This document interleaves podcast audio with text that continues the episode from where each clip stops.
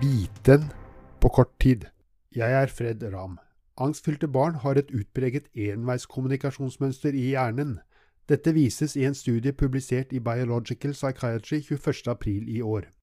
Forenklet fortalt foregikk studien på den måten at 45 barn i alderen 10 til 11 år ble klinisk vurdert på nivå av angst og stress, og så ble alle testet i funksjonell MR.